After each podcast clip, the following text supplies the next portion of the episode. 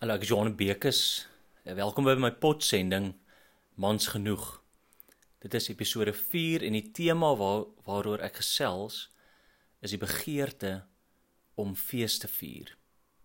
Ek was onlangs betrokke by 'n direksie en ons het 'n naweek gereël waar ons sommer net ehm um, vir almal dankie gesê het vir die harde werk en dit was eintlik maar 'n tipe van 'n feesviering en op die einde van die aand het ons 'n video gewys wat eintlik maar oor die hoogtepunte gegaan het van wat in die maatskappy gebeur het ja vir die afgelope 24 maande.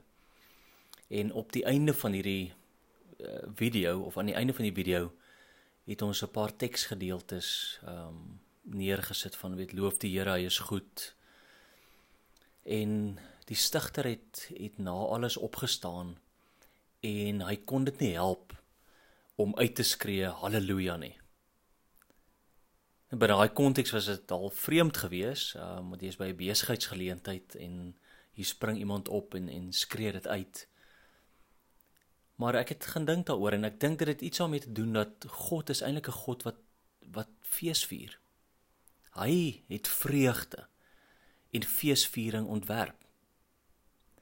En wanneer ons dan aan aan hierdie begeerte om fees te vier gehoor gee, dan vergroot dit eintlik ons kapasiteit om God nog meer te geniet of my goeie dinge wat hy vir ons gee nog meer te geniet.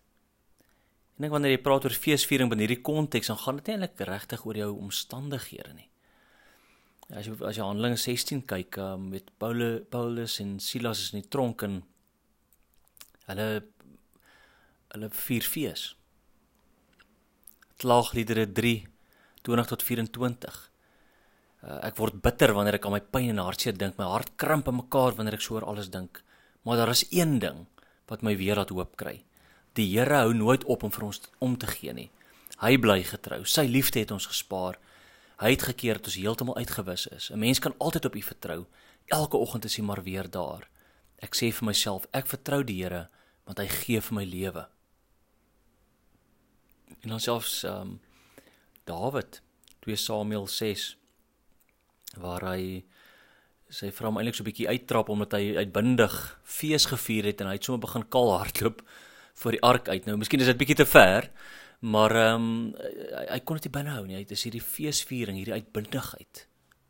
En ek dink aan die dag van ek en jy leef as mansval. Ek bedoel daar's baie redes om down te wees. Daar's baie redes om afgemat te wees, om hartseer ongelukkig te wees en en baie goeie redes.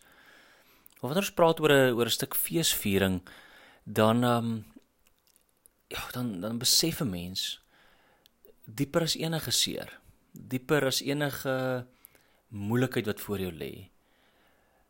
Is God wat wat vreugdevol is, 'n God wat vreugde ontwerp het. En en daai wete kan ons help om in die moeilikste omstandighede fees te vier. Ek wil die, die hemel vier fees. En dan binne ons konteks is dan elke ervaring van Jesus se teenwoordigheid word eintlik 'n smaakie van hierdie vreugde of 'n voorsmaakie van hierdie vreugde, hierdie groot vreugde wat ons eendag aanhoudend gaan beleef. So om fees te vier te midde van pyn, um te midde van moeilikheid, kan dit kan 'n risiko wees. Want baie keer sal mense sê hoor, ons kan nie nou fees vier nie want dit gaan ons gaan die ernstigheid van hierdie hierdie pyn verloor, die ernstigheid van hierdie moeilike omstandighede. Dit is dalk so, maar ek dink wat my help, want so wanneer ek fees vier te midde van my omstandighede, dan is dit eintlik vir my 'n manier om betrokke te wees in 'n aksie wat my mens wees na God toe buig. Jy sê dit in hierdie omstandighede leer ek nog steeds na God se kant toe en daarom het ek vreugde. So ja, ek ek wonder hoe kan jy dit prakties gaan doen? Ehm um, miskien kan jy begin net om te dink jy's maar het ek al fees gevier of as ek fees vier en fees gevier het, weet waar doen ek dit die maklikste? Is dit alleen? So baie mense voel ek vier fees alleen. Is dit saam met ander? Is daar musiek betrokke? Is dit miskien in die natuur? Ehm um, maar as jy weet wat jou feesviering is, ehm um, kyk of kan jy in hierdie week net drie keer dit gaan skep of beleef nie. En as jy nie kan uitgaan nie, dan gaan kyk na 'n foto van die vorige keer waar jy fees gevier het en dink net daaroor. Dink aan die gevoel wat jy daar gehad het. 'n Ander manier kan wees om te sê maar die volgende verjaarsdagviering of jou volgende verjaarsdagviering om regtig 'n spasie te skep waar jy uitbundig fees vier. Omdat jy weet dat dat God die een is wat feesviering en vreugde geskep het en eintlik meer as geskep het. Hy doen dit self. As jy Sefanja 3 gaan lees.